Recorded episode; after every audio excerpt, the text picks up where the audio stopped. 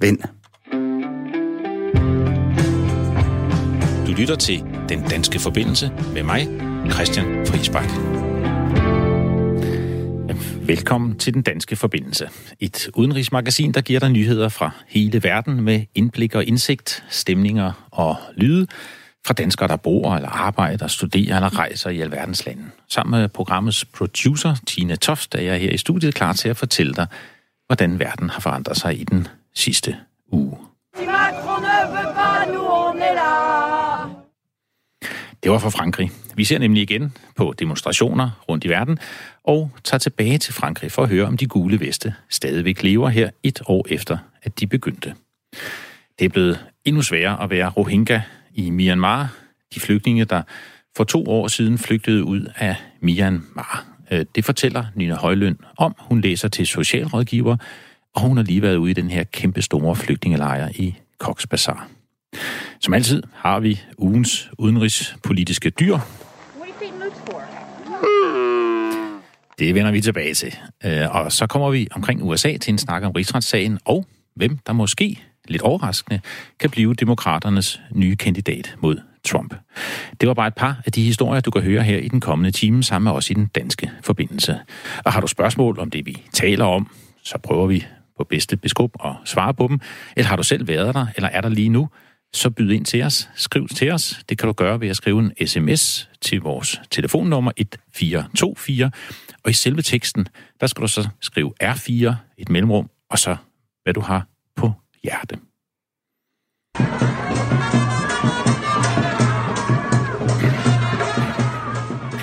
Men det er her, vi starter i den sydøst, eller sydasiatiske østat Sri Lanka lige syd for Indien, hvor vi i baggrunden kan høre en del af befolkningen, der jubler over resultatet af søndagens præsidentvalg.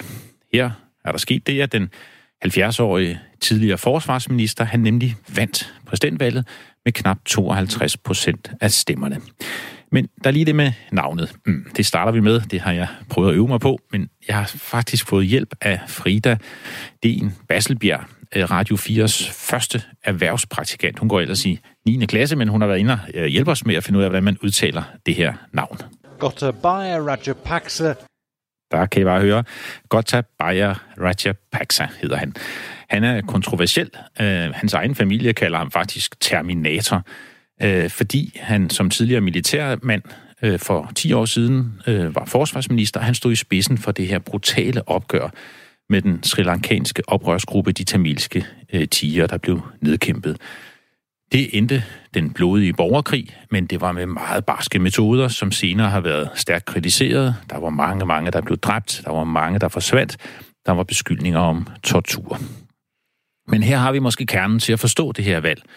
For efter de voldsomme terrorangreb i Sri Lanka i påsken, der kostede 269 mennesker livet herunder tre danske børn, øh, så har valgkampen haft meget stærk fokus på sikkerhed og sikkerhed og sikkerhed. Og det håber mange, at Gotabaya Rajapaksa han kan levere. Mens den noget dysfunktionelle koalition, der har siddet ved magten indtil nu, øh, med den tidligere præsident og premierminister, de kunne slet ikke enes, og de blev beskyldt for at have været så meget op at toppe, så de undlod at dele nogle meget kritiske informationer fra udenlandske efterretningstjenester, der måske kunne have forhindret de her blodige terrorangreb i påsken. Deres samarbejde var faldet øh, fra hinanden. Nu vil folk have sikkerhed, og det banede vejen måske for, at Rajapaksa kom tilbage øh, til magten. Nu har vi ringet til Thomas, øh, der har boet i Sri Lanka i tre måneder.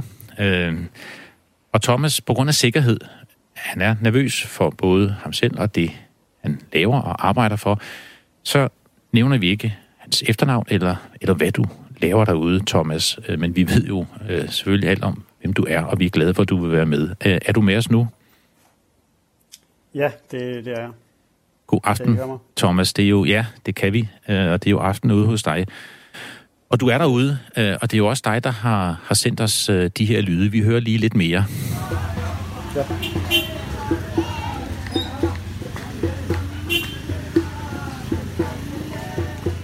Og, og kan du fortælle os lidt, hvem er det, der her fejrer øh, sejren for Rajapaksa?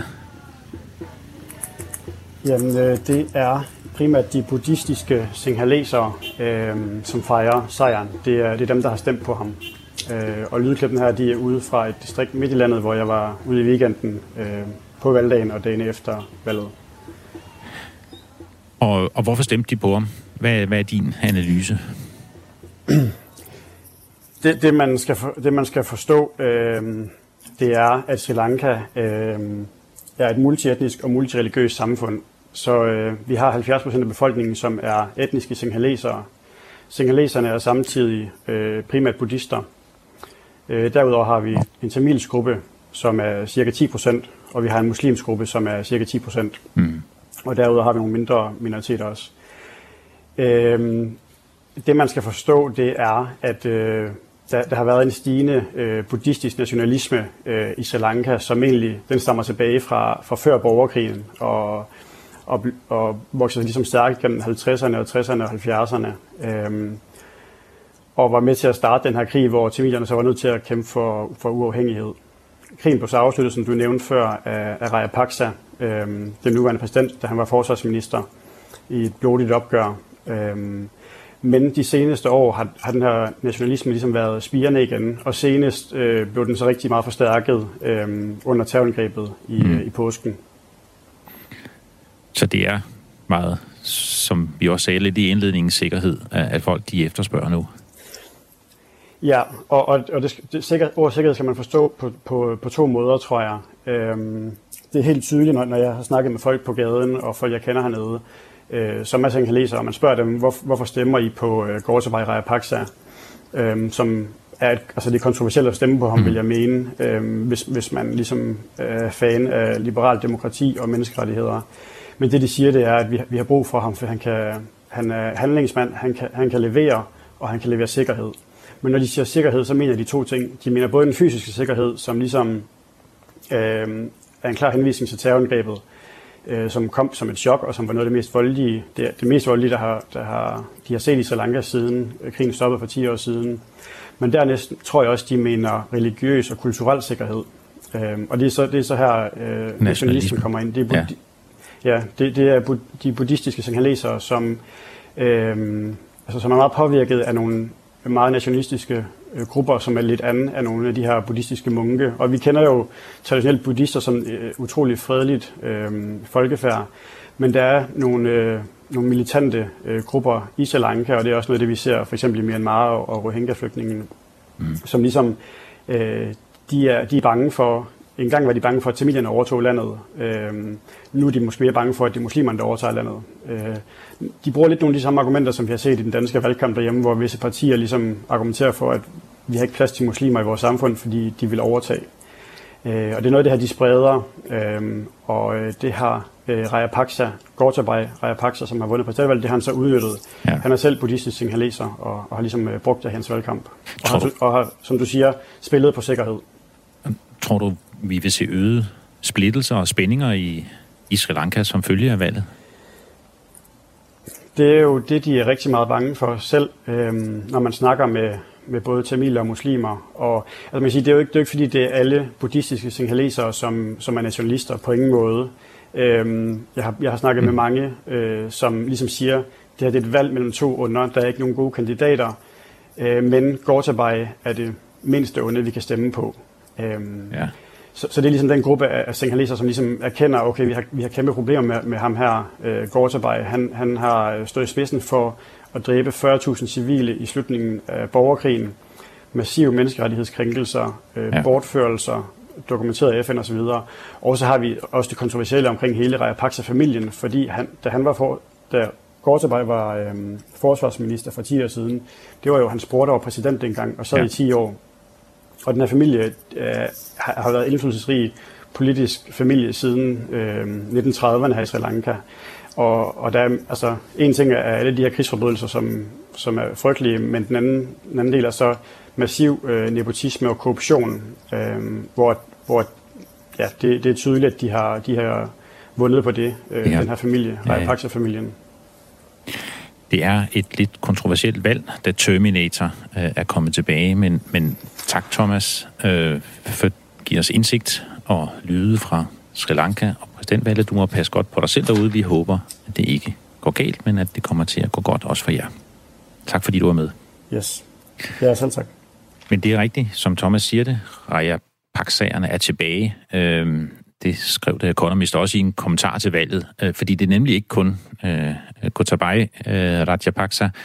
Øh, han har fået sin storebror med tilbage. Han har nemlig nu udnævnt ham øh, til at være premierminister i en overgangsperiode, indtil der skal være parlamentsvalg i april.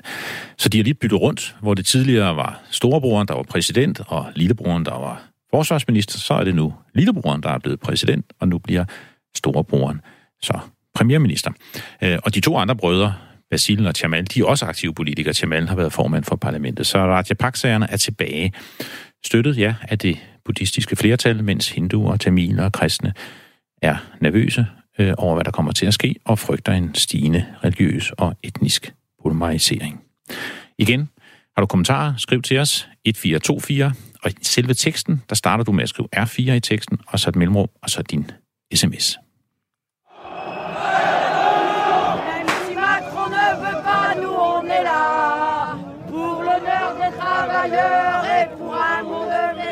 Nu er vi taget til Frankrig. Der er også mennesker på gaden. De er ikke for at fejre, men for at demonstrere.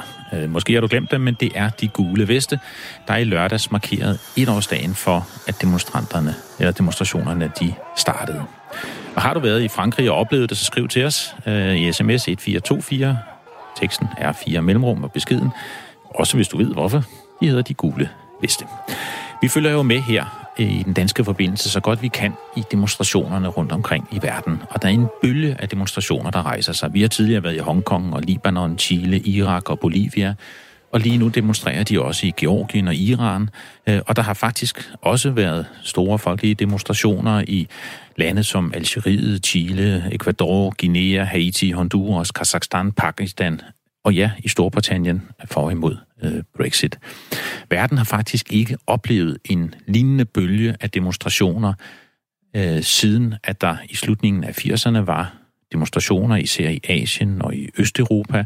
Dengang der endte det jo positivt med murens fald, øh, men meget barskt i Kina øh, med nedkæmpningen af demonstrationen på den himmelske fredsplads.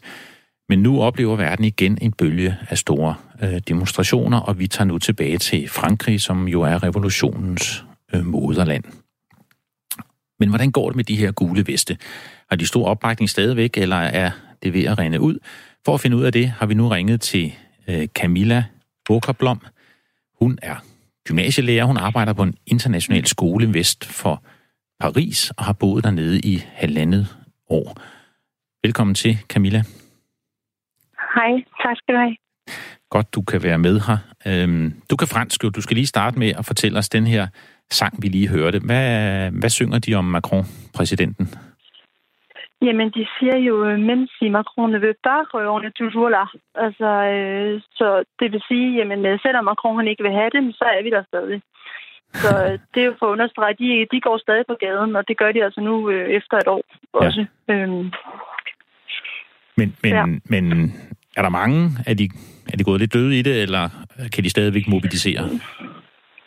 Jamen, de kan stadig mobilisere. Altså, det er rigtigt, at uh, tilslutningen den har været dalende her gennem de sidste par måneder. Uh, hvis man sammenligner, da de startede for et år siden, der var der jo godt uh, 300.000, 280.000, der var mødt op. Og nu her i lørdags på årsdagen, jamen, der var der måske en skarpe 28.000 på landsplan. Så altså, det er jo, et, øh, det er jo, det er jo langt bære, da det egentlig startede. Øhm, man regner med cirka 5.000, der mødte op på gaden i Paris. Men de kan stadig godt mobilisere, og det gør de også. Det, det ser også ud til, at de vil fortsætte med det. Øhm. Men, men har de... Er det fordi, de har opnået noget, eller fordi de har givet op? Hvad, hvad, hvad tænker du? Øhm, nej, de har ikke givet op.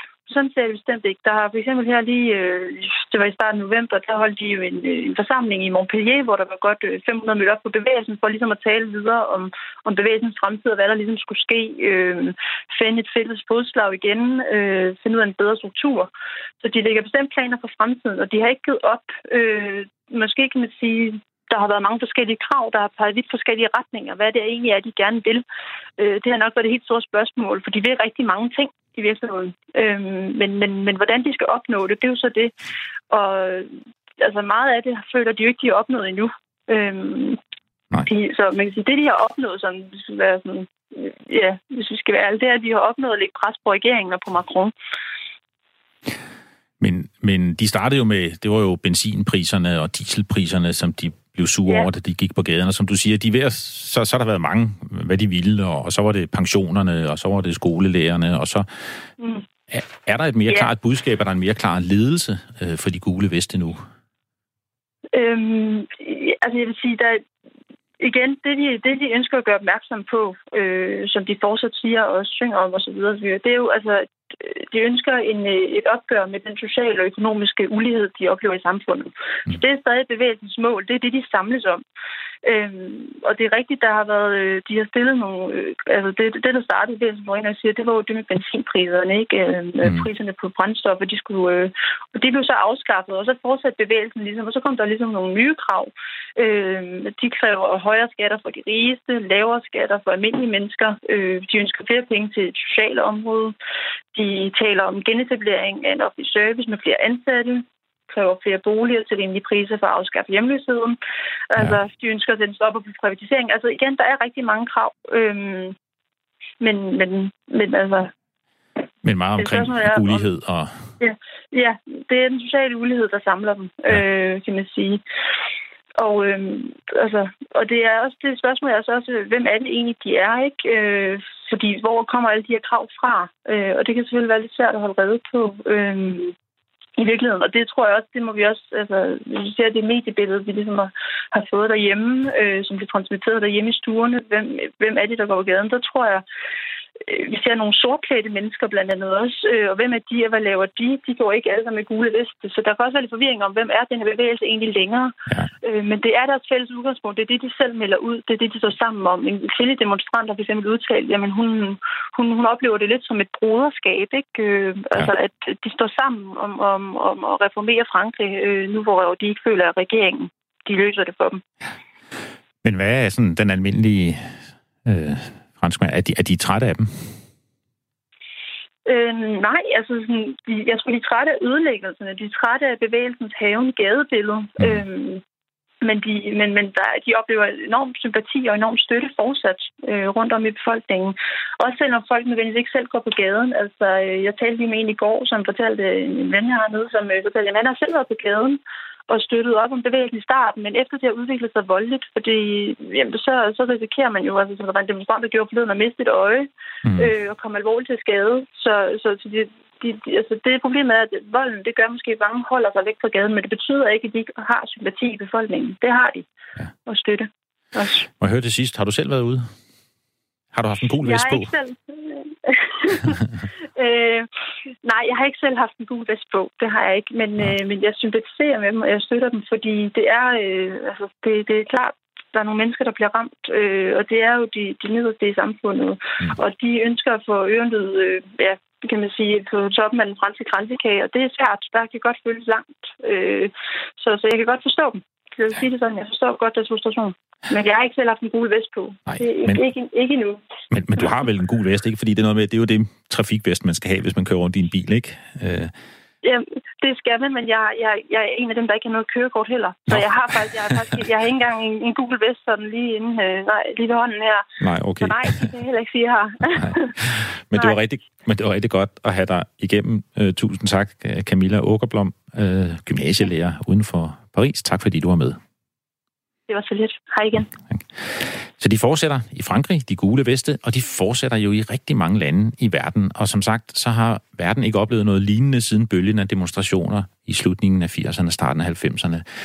Og man må selvfølgelig spørge sig selv, hænger de sammen? Øh, at det her et tegn på en mere grundlæggende forandring i verden. Tænk på, hvor store forandringer vi oplevede der i slutningen af 80'erne og starten af 90'erne. Og der må man sige, at det er svært at svare på, for hvert land har sin egen historie og sin egen forklaring. Sådan var det faktisk også dengang i slutningen af 80'erne.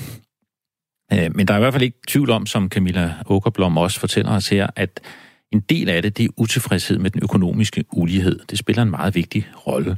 Øh, det har jo været en udløsende faktor i mange lande, at der har været en stigning på ja, prisen på benzin, eller på metrobilletter i Chile, eller WhatsApp-beskeder i Libanon. Og det har ofte været dråben, det her med, at der kommer en eller anden prisstigning, og så går folk på gaden. Og, Og det er i derfor høj grad den her følelse af ulighed, der driver de her demonstranter. Øhm, man kan så indvende, det er jo ikke alle lande, øh, hvor man demonstrerer, at uligheden er, er, er steget, sådan hvis man kigger på tal og statistikker. Og det er nok rigtigt, men, men i, i mange lande, der oplever man jo nok en stigende ulighed, fordi vi med sociale medier og Instagram og Facebook og hvad det hedder alt sammen, jo kan se ind i det liv i luksus, som mange magthavere og rige mænd og kvinder, øh, de, øh, de har. Alle kan jo se ind i krydstogsskibene og Kardashian-familiens udskejelser. Mange føler nok, at de bliver overhalet af stadig større øh, Mercedes og Audi'er og Jaguarer, eller de bliver snydt for den dyreste champagne eller jordomrejsen eller business class. Og man ser på de hjemløse på gaden og øh, på dem, der Øh, knokler øh, hver dag for at få øh, hverdagen til at hænge sammen. Og så den kontrast, man oplever mellem sådan almindelige mennesker, ikke mindst den fattigste del af befolkningen, og, og så det liv, der leves af præsidenter og politikere og sportsstjerner og kendiser og dem alle sammen. Man føler, at den forskel, den går op, fordi man ser den meget mere øh, tydeligt. Og så har den i sociale medier også haft en anden effekt, nemlig at det er blevet meget nemmere at organisere de her protester. Øh, man kan lave sådan en meget stor flashmob, eller hvad det hedder, hvor man lige indkalder til en demonstration på, øh, på meget kort tid og, og mødes og, og, og protestere. Øh, så sociale medier har også haft en effekt, at man hurtigt kan få folk øh, på gaden. Øh, man kan indkalde til protester øh, hurtigt og effektivt gennem informationssamfundets blodbaner, eller hvad man skal kalde dem, de sociale medier. Vi ved ikke, hvor alle de her protester ender, men vi ved, at vi fortsat følger med her på den danske forbindelse.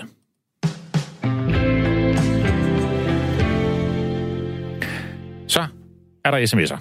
Øh, og jeg har øh, min dygtige producer, som jeg altid kalder hende, Tine Soft, her i studiet. Øh, og lad os høre, er der kommet nogen? Det er der øh, faktisk ikke endnu. Øh, så jeg tror bare, vi lige skal komme med opfordringen en gang til. Øh, sidste gang var der jo helt vildt mange, der skrev ind for at gætte på det udenrigspolitiske dyr. Øh, og jeg vil også bare opfordre folk til at skrive ind med spørgsmål til dig, måske så du kan komme lidt på glat is. Øh, hvor det kan man jo til 1424 Øh, og i beskeden skal man så skrive R4 øh, mellemrum før øh, beskeden. Og hvis man bare lige må komme med en lille kommentar, så hedder reality-stjernerne jo Kardashian, og Nå, ikke okay. Kardashian. Men jeg Nå. tænker måske, du har fulgt så meget med i den Ej, serie. Nej, det er ikke min spidskompetence. Nej, vi vender, øh, vi vender tilbage, så jeg håber, I skriver ind. tak for det. Nu har jeg øvet mig så meget på at udtale ham der, øh, præsidenten i Sri Lanka. Ja, jeg skulle have husket. Kardashian. Kardashian. Kardashian, tak. Godt, så er vi der.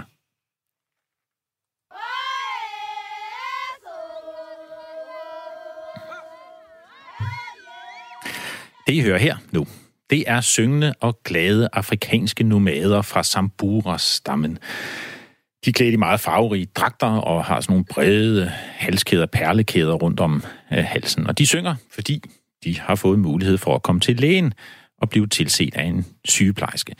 Det har tidligere været utrolig svært at få sundhedsydelser ud til nomaderne, masajerne og sambura og Turkana-folket i de meget fjernliggende dele af Kenya.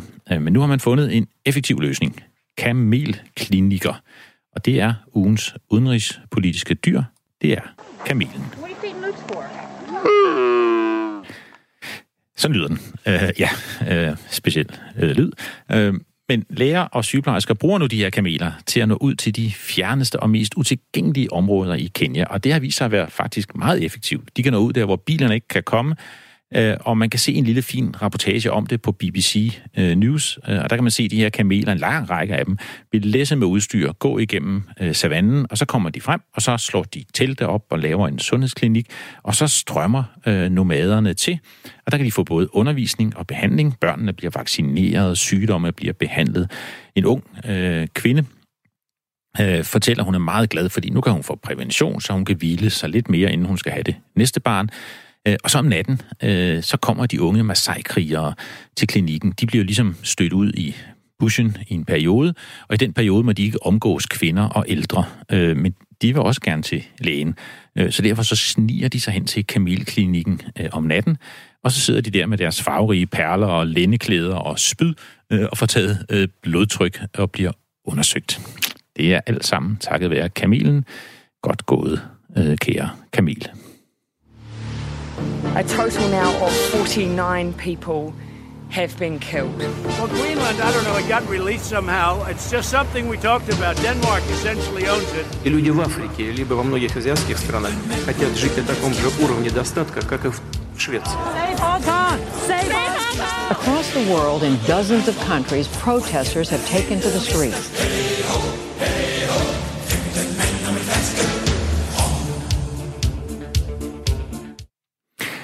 Det bliver sværere og sværere for den næsten million rohingyaer fra Myanmar, der lever som flygtninge rundt omkring Cox's Bazar i Bangladesh.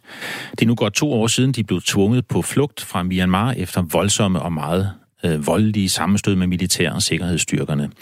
Og da de så ankom til Bangladesh, så endte de i en skov, øh, nogle bakker øh, nær byen Cox's Bazar, hvor de bogstaveligt forstand sad midt i mudderet øh, der i de der bakker. Øh, Siden er der blevet bygget en gigantisk teltby, men dengang de kom, der blev de modtaget med gæstfrihed og gavmildhed, både fra regeringen i Bangladesh, fra militæret i Bangladesh og fra befolkningen rundt omkring, der kom løbende med forsyninger og telte og tæpper og alt, hvad de kunne gøre for at huse og hjælpe de her forhudlede og ofte stærkt traumatiserede øh, flygtninge. Men nu er der gået to år, og situationen er ændret. Rohingyaerne er, op, øh, er, er om, betingelserne for rohingyerne er blevet vanskeligere øh, de sidste måneder, og det skyldes, at øh, der er blevet øget pres fra lokalområdet øh, og også fra landet. Man føler jo, at det her det er en stor byrde, en million flygtninge i landet. Og derfor har regeringen i Bangladesh nu strammet betingelserne i lejren. De har lukket butikker, Øh, der bliver drevet af rohingyerne selv. De har blokeret internettet, de har konfiskeret mobiltelefoner, som rohingyerne havde. De har lavet hegn rundt om dele af lejren, og de har indført et udgangsforbud efter kl. 8 om aftenen, så rohingyerne ikke kan forlade deres øh, hjem om natten. Og de internationale organisationer, der er derude, de har også fået besked på, at de må ikke ansætte rohingyerne til at hjælpe med indsatsen, og det har 10.000 af dem ellers gjort. Øh, jeg oplevede det selv, da jeg var derude for et år siden. Øh, 10.000 af rohingyaer har haft et lille bijob med at hjælpe med at øh, lave broer, eller veje, eller bygninger, eller rydde op, eller gøre toiletter rent. Men det må de så ikke mere, og så risikerer de at miste den meget vigtige indsigt, de har haft. Grunden til, at regeringen i Bangladesh gør det her, siger de, det er sikkerhedshensyn, og, og, og der er blevet større spændinger mellem rohingyerne, flygtningene og lokale samfundet. Men der spekuleres også i, at man gør det for at presse rohingyerne til enten at tage hjem øh, til Myanmar igen, eller tage ud på sådan en isoleret ø, Basan Char, som er blevet indrettet øh, til flygtninge. Men der er ikke så mange, der har ville tage derud, men man forsøger måske nu at presse dem til at tage afsted ud på den her ø. For at forstå det her, der talte jeg i går med en ung dansk kvinde, som lige er vendt hjem fra Bangladesh. Vi er rigtig heldige, øh, at vi nu har med os faktisk i studiet, og det er første gang, øh, vi har en i studiet, fordi vores koncept er jo, at man ringer til folk derude, men Nynne Højland øh, er lige kommet hjem fra Cox Bazar. Hun læser til socialrådgiver. Øh, hun kommer faktisk fra Aarhus, men hun er lige kommet hjem og landet fra Cox Bazar og kan fortælle os lidt om, hvordan det er. Den lyd, vi hører her, Øh, det er jo inden for lejren. Det er en lyd, du har optaget øh, til os derude. Hvordan var det at komme ud i den her lejr? Jamen, det var hektisk og støvet og altså larmende. Øhm, der var så mange mennesker overalt. Øhm, og da vi gik rundt, havde vi en slange af, af børn og unge med os. Mellem, altså sådan, der var mellem 50 og 100 børn, der bare fulgte efter os, fordi der skete noget. Mm-hmm. Der var nogle nye mennesker. Øhm, og altså, når vi gik rundt på de små stier, der var, der var folk overalt, der stak hovederne ud af de små døre og de små vinduer og, og hullerne i taget, fordi det, de boede i, er jo bare telte, shelters kalder de dem, øhm, som de selv har bygget, og som består af... Nogle består af noget blik, men de fleste består bare af plastik, som, mm. øh, og plastiktage, der bare er sådan holdt fast af bambuspinde, som de også øh, sådan med håndkraft går og bærer rundt på massive bambuspinde. Mm. Øhm, så, så mennesker overalt. Det her med, at, at nu har de været der i snart to år, øh, mm. godt to år, nogle af dem, øh, og at frustrationerne og spændingerne sådan stiger, altså både inde i lejren og i forhold til dem, øh, der bor rundt omkring lejren. Mærker I også det?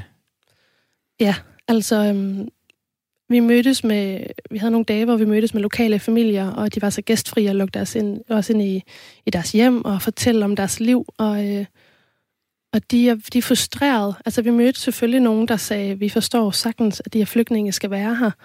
Øhm, de skal have hjælp. Vi vil bare ønske, at vi også skulle få noget hjælp. Mm. Men, øhm, men vi mødte jo også folk, der, der, der simpelthen var så hårdt presset øhm, i forhold til at få mad på bordet til deres egen familie, at de, kunne ikke, øh, at de var frustrerede. Og de ville have, at, at flygtningen skulle tage hjem.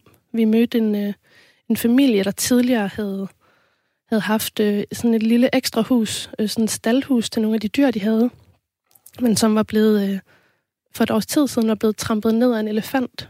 Øhm, fordi det store skovområde, som, som flygtningen nu bor i, øhm, og som er blevet fældet, huset faktisk en del vilde dyr, som jo nu øh, ikke har et hjem. Så deres, deres stald var blevet trampet ned af en elefant. Øh, de var jo enormt frustrerede og så påvirket af, af situationen. Ja. Mærker I det også inde i lejren, altså det her med, at regeringen ligesom lægger pres på flygtningene? Der var det også noget, I så? Ja, altså øhm, mest af alt, som du siger, de, flygtningene, øh, altså sådan, de har ikke noget at lave. Øhm, de må ikke tage arbejde, øh, og de, er ikke, øhm, de får ikke uddelt sådan food vouchers eller kontanter til at købe mad. De får distribueret mad direkte, så de har ingenting at lave. Mm. Så de sidder og venter, og ved ikke helt, hvad de venter på, fordi de ved godt, de nok ikke kan komme hjem, men de må heller ikke tage uden for lejren. Så, øh, så de var enormt frustrerede, og sådan... Øh, nogen var jo både håbefulde, men der var jo også en håbløshed. Altså fordi de ikke er en særlig stor, del af beslutningsprocessen i forhold til, hvad, skal der, hvad for nogle forhold er der overhovedet i lejren, men også, hvad skal der ske fremadrettet. Mm. Vil de gerne hjem? Eller?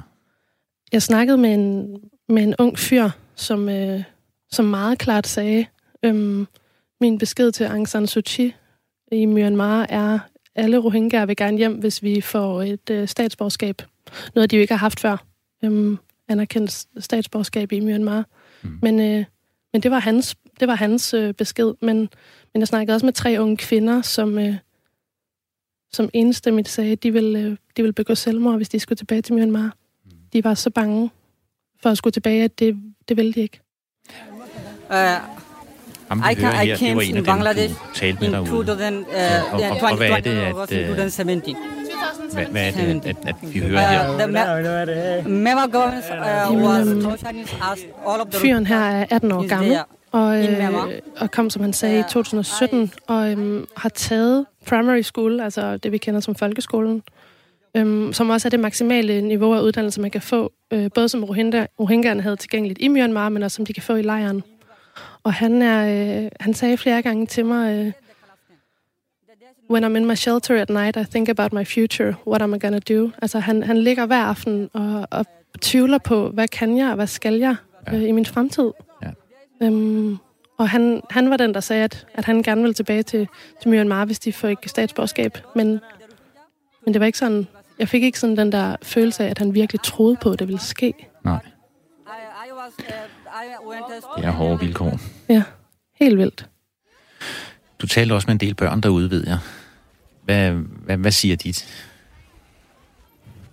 Altså børnene, de... Øh... Jeg havde sådan en følelse af, at sådan, ej, hvor er der mange smilende børn. Hvor er der for det første enormt mange børn. Mm. Øhm, jeg mener, jeg har fået fortalt, at det er 40 procent af lejren, der er børn under 12. Mm. Så enormt mange børn, og, og de var så smilende og nysgerrige og fuldt efter, og så sagde, hello, hello, hey, hey, hele tiden. Ja. What's your name? Where are you from? Øhm, men samtidig har jeg også sådan en følelse af, at det var ikke en almindelig dag. Altså, det var Mhm. ikke nødvendigvis, fordi der var så meget smil og glæde hver dag. Nej. Det var simpelthen, fordi de har ikke de har ingenting at lave. Og, øhm, Kommer de ikke i skole? Mange af dem. Der er skoler derinde, ikke? der, er, der er learning centers, ja. hedder det. Der må, øhm, en af restriktionerne fra regeringens side er, at der ikke må være skoler. Nå. Men man er så kommet udenom det nogenlunde ved at lave learning centers. Så det går mange børn i. Læringscentre, Ja. Men, øhm, men jo ikke hele dags, og der er ikke lærere nok. Nej. Øhm, så, så på den måde, så, så tror jeg rigtig meget, at tiden går med at, at vente og Ja. lege og Ja. kigge og hjælpe sine forældre måske. Mm. Du læser til socialrådgiver. Øhm, det er jo fordi, du skal være med til at løse sociale problemer. Øh, hvordan er det at være som kommende socialrådgiver der? Hvad tænker du? Jamen, det, det bonger jo ud på alle parametre i forhold til øh, dårlige sociale forhold. Altså, øhm, Men, men sådan et af de fysiske forhold, kan man sige, som man virkelig kan slå ned på. Men, men noget, jeg bare sådan tænkte over, det var også, hvor lidt mulighed der var for at drømme i lejren. Og noget, som, som unge generelt, men jo unge i Danmark bruger meget tid på at gøre, både bevidst og ubevidst. Man har alle mulige muligheder. Og det er jo, det er jo virkelig noget, der kan få en til at, at sådan køre på i hverdagen, faktisk. At man drømmer om et eller andet. Og det, øh, det gør de her børn ikke i særlig stor grad, tror jeg. Også fordi de ikke bliver spurgt. Mm-hmm. Der er ikke nogen, der spørger, øhm, hvad de drømmer om. Mm-hmm. Og øhm, det synes jeg faktisk er et socialt problem. Ja. Tusind tak, øh, Nynne Højland, som læser til socialrådgiver her i København, men kommer fra Aarhus. Tak fordi du delte din indtryk fra Cox Bazar med os. Selv tak. Ja, der er ikke plads til at drømme i Cox Bazar i Bangladesh. Landet Gambia øh, har faktisk nu åbnet en sag mod Myanmar ved den internationale straffedomstol. Den er åbnet på vegne øh, af organisationer af islamiske stater. Øh, fordi der har jo været to FN-missioner derude med et års mellemrum, og de rapporter har konkluderet, at der er stærke tegn og endda beviser øh, på, at der har fundet et folkemord sted, og at de ansvarlige skulle holdes ansvarlige. Begge rapporter er blevet afvist af Myanmars regering, men nu kommer der en retssag.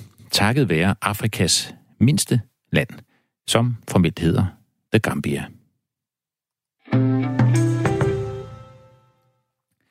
Nu er vi kommet til ugens rapport. Vi prøver hver uge at læse en rapport og fortælle lidt om den. Og denne gang er det en helt spritny øh, rapport. Den er lige udkommet.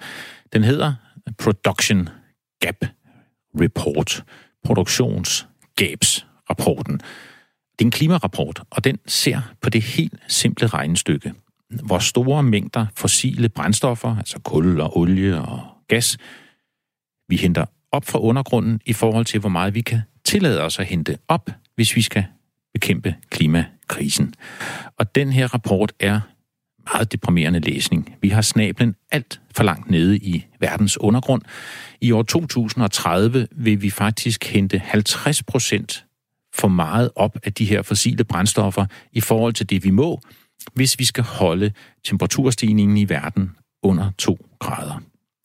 Det er ikke mindst klimasønderen kul, som verdens lande planlægger og producerer alt for meget af. Og fortsætter vi ufortrødent på den måde, så vil temperaturen stige med hele 5 grader og langt mere på landjorden. Og så går det helt galt. Så rapporten konkluderer, at vi har alt for lidt fokus på at stoppe de her fossile brændstoffer og stoppe investeringer i nye fossile øh, brændsler. Øh, og hvis ikke vi gør mere ved det, så bliver det som sagt meget svært at stoppe den globale opvarmning. Og, det, og problemet er jo, at når man først har investeret en masse penge i en ny boreplatform, eller en, et borehul, eller en ny mine, og nogle kæmpe gravemaskiner og graveanlæg, når man først har lavet alle de her investeringer, så er det meget svært at stoppe igen, fordi så skal man jo tjene pengene øh, hjem. Øh, og derfor så frygter rapporten, at lande og virksomheder, de vil fortsætte med at udvinde og grave alle de her fossile brændstoffer op.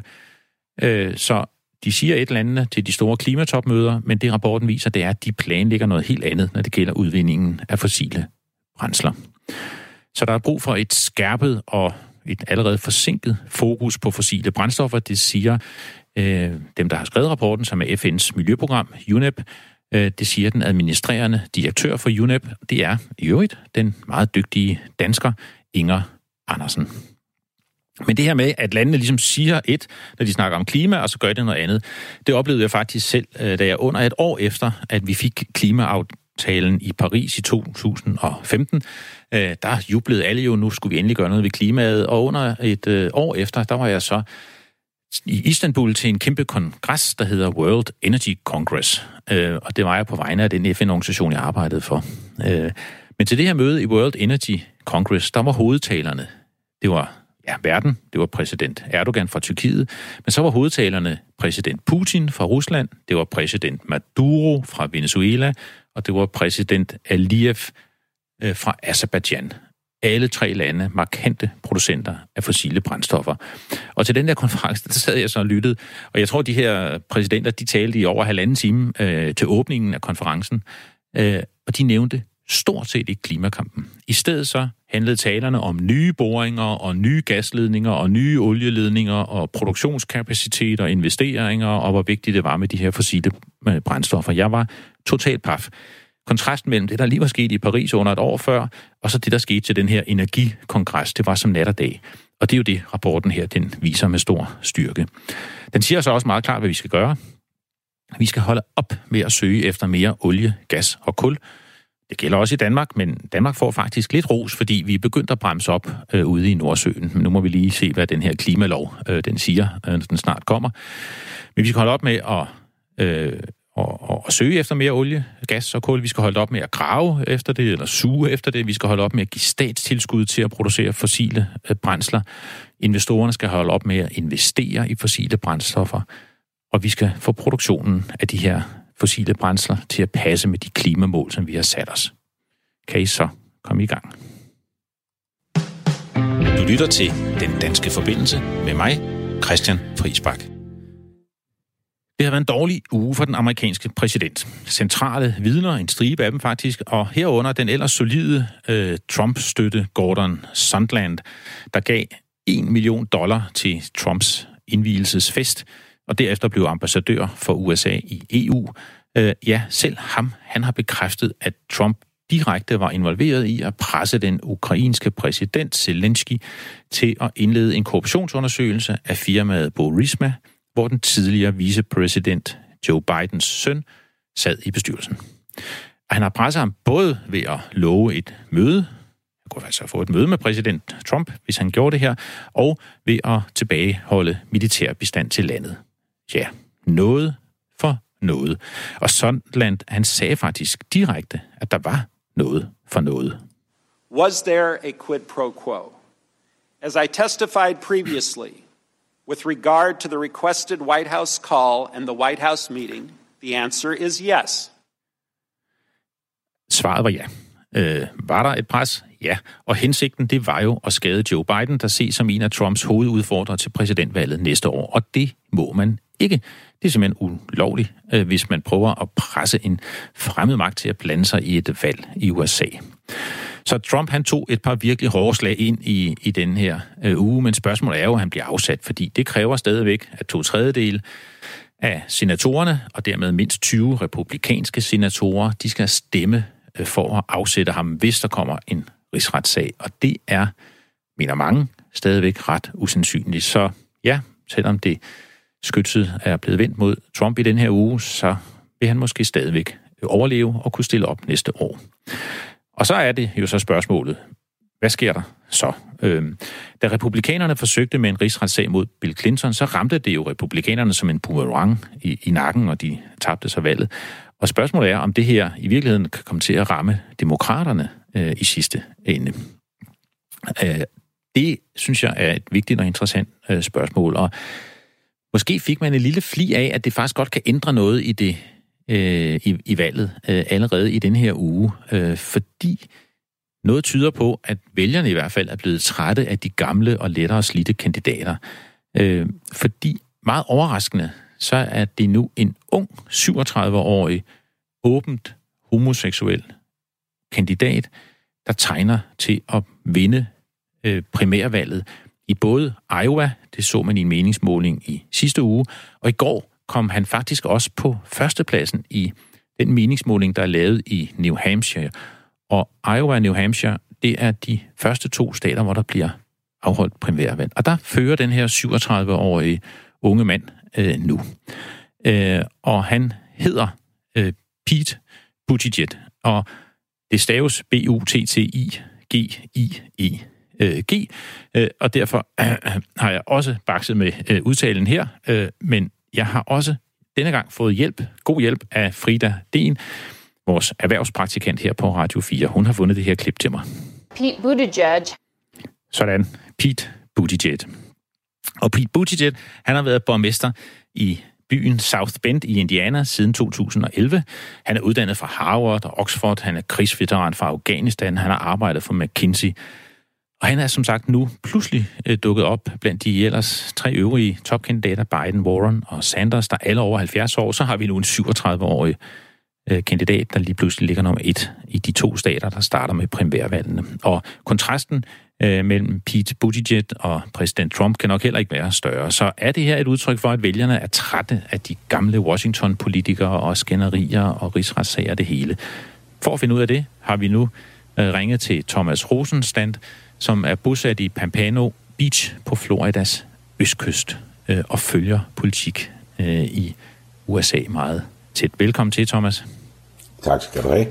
Hvorfor tror du, at Pete Buttigieg her, han stormer frem?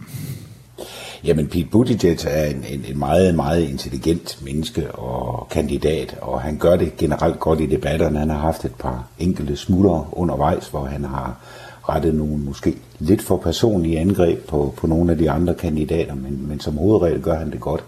Og så repræsenterer han en lille bitte, bitte smule til venstre for midten i det demokratiske øh, parti herovre, øh, som tiltaler mange, fordi i øjeblikket, der står demokraterne i et, man, man kan godt sige, i et, et skæld. Øh, vi har den, den gamle garde, som, som for eksempel Biden, som egentlig er øh, politics as usual, altså det vi altid har haft plus minus, ja. uden de store forandringer. Og så har vi helt over i den anden grøft, der har vi nogle meget øh, mere venstre-lænende kandidater. Og der skal man huske, når man, når man følger det her fra Danmark, øh, når man her overtaler om en, en demokrat, der læner sig meget til venstre, øh, så taler man om mennesker, som er et stykke til højre for øh, partiet Venstre eller konservativ i Danmark. Det, det er et, et helt andet setup. Ja. Øh, det, det skal man bare lige have i, i baghovedet også. Så, så en, en rigtig venstreorienteret herover er en højreorienteret hen mod midten i Danmark. Ja. Men tror du, at den her rigsretssag gør noget, sådan som jeg måske prøvede lidt at, at forklare Nej. det her, at, at, at, at, at man er lidt træt af de der gamle der, og nu vil man have sådan en helt ung øh, fyr, der kommer ind, øh, uden at have været ja. i Washington? Nej, jeg tror ikke, at, øh, at, at retssagen, som, som øh, kører i øjeblikket, eller som undersøgelsen, der kører i øjeblikket, har noget at gøre med, hvem der bliver valgt som demokratisk kandidat til at, at stille op til præsidentvalget. Der, der er ikke rigtig nogen sammenhæng. Det, der bekymrer Øh, altså Joe Biden fører, og det gør han jo også stadigvæk, ganske stort endda. Men det, der bekymrer mange mennesker, det er, at Joe Biden er ved at være for gammel. Ja. Han, han har haft et par smutter, øh, ikke, ikke noget, der tyder på hverken demens eller andet, men, men han har haft et par smutter. Men de fleste demokrater, mig selv inklusive, øh, står der, hvor vi siger, det er i princippet ligegyldigt, så længe det ikke er Sanders. Øh, så er det næsten ligegyldigt, hvem der bliver valgt, fordi øh, det, det handler om, det er at få slået Trump af pinden i fald han ikke bliver afsat. Øh, og det ved vi jo ikke nu. Nej. Altså det, det, det, det er et, et helt andet billede. Men problemet med Biden er primært hans alder, og så at alle de her øh, unge og yngre vælgere har svære ved at identificere sig med Biden, og så laver han altså nogle smutter rundt omkring. Han har lige for nylig haft noget med at, legalisere brugen af hash, hvor han øh, har haft nogle 30-40 år gamle holdninger, som han nu er ved at prøve at råde sig ud af. ja, sådan kan det gå. Så du tænker, det er mere, altså fordi Pete øh, Buttigieg, han, han ligger rigtigt politisk, og så i øvrigt er en meget klog øh, mand, øh, at det er det, der ja. gør, at han ligesom øh, kommer frem nu her. Det er det. Altså det, der kan bekymre i forhold til ham, øh, jeg, jeg kunne sagtens se ham som præsident, og også helt overbevist om, at det vil han øh, gøre ganske, ganske fremragende. Øh, men han har nogle udfordringer. Han har dels sin seksualitet som udfordring. Altså øh, mm-hmm. USA er jo som hovedregler, men det er i kraftig ændring. Øh, stadigvæk meget konservativt på mange områder, inklusiv folks seksualitet. Og der vil være mange, der vil have ufattelig svært ved at stemme på ham, fordi han er bøsse. Ja. Øh, det sagde jeg så også dengang, øh, før Obama blev valgt som præsident første gang, hvor jeg sagde, det er de sgu ikke klar til, men øh, det var vi jo så. ja. øh, så så, så det, det, det skal nok tages med, med et græns salt. Men han har også, også et andet problem, og som egentlig også stammer fra hans seksualitet, og det er, at han har meget, meget svært ved at få fat i den sorte del af befolkningen. Ja. Fordi øh, blandt sorte er det at være bøsse ikke øh, okay sådan i hovedtrækket, så jeg er nødt til at generalisere her, ja. men øh, i hovedtræk er det ikke okay. Og det betyder, at de vil have meget svært ved at, at, at kunne give ham deres stemme. Der er dog mange homoseksuelle sorte i øh, Ja, det er USA, der, men, men som de har det kunne... også sværere end en hvid homoseksuel, ja, ja. kan jeg godt fortælle dig. Ja. Det er stadigvæk et konservativt land, øh, som, ja, det er det. som du siger det. Men tror du, han vinder, Buttigieg? Uh, nej, det tror jeg ikke. Okay. Jeg tror, at Biden Godt. vinder. Uh, altså, tror mindre han laver et, et, et, et eller andet. virkelig fejlstep ja. øh, tungt, øh, så, så bliver det Biden, der kommer til at stille op mod Trump. Okay. Øh, og det har jeg det så også okay med. Jeg har øh, gennem lang tid haft en favoritkandidat, Kamala Harris, men øh, jeg tror ikke, hun, hun klarer klarer det. det. Nej. Godt. Hun er skarp som en barberkniv. det kan der være brug for, men det kan, også, det kan man også skære sig på. Men, men, men tusind tak, øh, fordi øh, du var med, Thomas Rosenstand fra Florida. Øh, tak for god indsigt, og fortsat held og lykke over i valget. Selv tak. Vi må se, hvor det hele ender. Øh, Det første primærvalg i Iowa 3. februar, så kommer New Hampshire og to mindre stater, og så går det løs den 3. marts med primærvalg i ni stater, herunder de store Kalifornien og Texas. Så vi ser, hvor det ender. Vi har jo store nyheder her i den danske forbindelse, og så har vi skæve øh, nyheder fra hele verden. Og i denne uge føler vi os kaldet til at understrege, at det her den 19. november var verdens toiletdag. Øh, Det er ikke noget at smile af. Jeg kan fornemme et par af jer lyttere lige smilede lidt der. Øh, nej, den her dag, den er skam udpeget af FN's generalforsamling. Og det er ikke for at markere al den tid, øh, vi bruger øh, derude øh, på toilettet. Faktisk bruger vi øh, tre måneder af vores liv på at sidde på toilettet, har jeg læst mig til. Øh, nej, dagen øh, den er udpeget for at sætte fokus på alle dem, der ikke øh, har adgang til et toilet. Og det er vigtigt. Det er faktisk dødelig alvor. For en milliard mennesker, over halvdelen i Indien, har indtil for få år siden ikke haft adgang til et toilet, men har måttet besørge ude i det fri. Og det er farligt, kan man læse i The Economist. Et gram afføring indeholder 10 millioner virus, 1 million bakterier og 1000 parasitsyster. Gram. Tænk lige over det. Og der er mange besøger tæt på vand for at kunne vaske hænder og måske bagdelen, øh, og der fluer elsker at sætte sig på den her afføring bagefter, ja, så spreder det sig meget hurtigt, og man skønner, at halvanden million børn hver år dør, fordi folk de besøger ude i det fri. Derfor er verdens toiletdag vigtig, øh, og for FN øh, har man nu sat med verdensmålene sig for at udrydde afføring i det fri inden år 2030. Og mange lande gør fremskridt. Indien har bygget mere end 110 millioner toiletter de sidste fem år, hævder de. I Bangladesh, der var det øh, tilbage for 15 år siden, 4 ud af 10, der ikke havde adgang til et toilet, men nu er der kun 1 ud af 100, der ikke kan komme på et rigtigt toilet, så det er da godt. Øh, måske kan vi nå det her mål. Så skal folk selvfølgelig bruge dem, det er det næste, og holde dem rene. Øh, det er det med at bruge børsten. Øh, men også her har der været gode toiletnyheder i den her uge. Øh, en gruppe forskere ved Penn State University, de har i hvert fald øh, opfundet sådan noget ultra teflonspray, som man lige kan sprøjte ned i toilettet, så hænger skidtet ikke fast. Det er da smart, selvom det ikke siger noget om, hvor sundt det her stof så er. Men, men faktisk, jeg har, synes, der har været rigtig mange toiletnyheder øh, her i ugen, øh, måske på grund af verdens toiletdag. Øh, der er også opstået en strid mellem Rusland og Ukraine om toiletter. Øh, de har ellers tilnærmet sig hinanden, efter at Ukraine har fået den her nye præsident, Zelensky. Så er de begyndt at tilnærme sig lidt hinanden. Øhm, øh, og i den her uge, der var godt sejn, fordi Rusland frigav tre ukrainske krigsskibe, som de ellers konfiskerede for et år siden tæt på Krimhaløen, som man jo skændes om. Det var en positiv nyhed, men så gik det galt, fordi det ukrainske militær de beskyldte russerne for at have ribbet skibene for udstyr.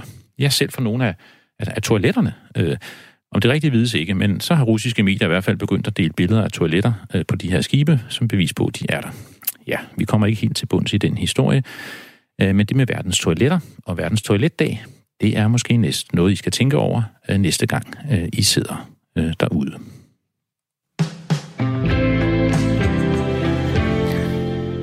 Godt. Jeg skal høre, Tina, om der er kommet noget ind på sms'erne. Øh, heller ikke endnu. Vi fik øh, en sms fra, fra Per, der synes, vi lavede lidt for meget baggrundsstøj. Øh, det skal vi selvfølgelig beklage. Det prøver vi at, at lade være med.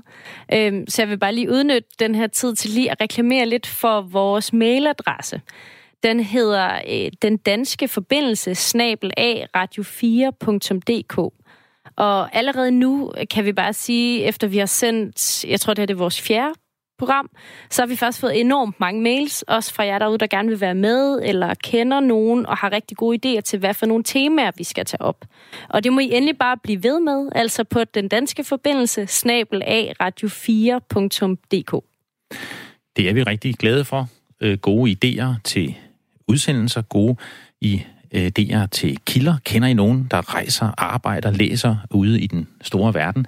Så vil vi meget gerne høre fra jer øh, og bruge dem øh, her i den danske forbindelse. Det er jo det, vi prøver øh, at få danskere fra hele verden til at fortælle stemninger, give lyde, øh, indtryk og indsigt i, hvad der sker i den store verden. Men det var den danske forbindelse i dag. Redaktør Alene Jul Brun. Programmet er tilrettelagt af Tine Toft. I producerrummet sidder Theodor Langston og Radio 4's første erhvervspraktikant, Frida en, som har hjulpet os her undervejs.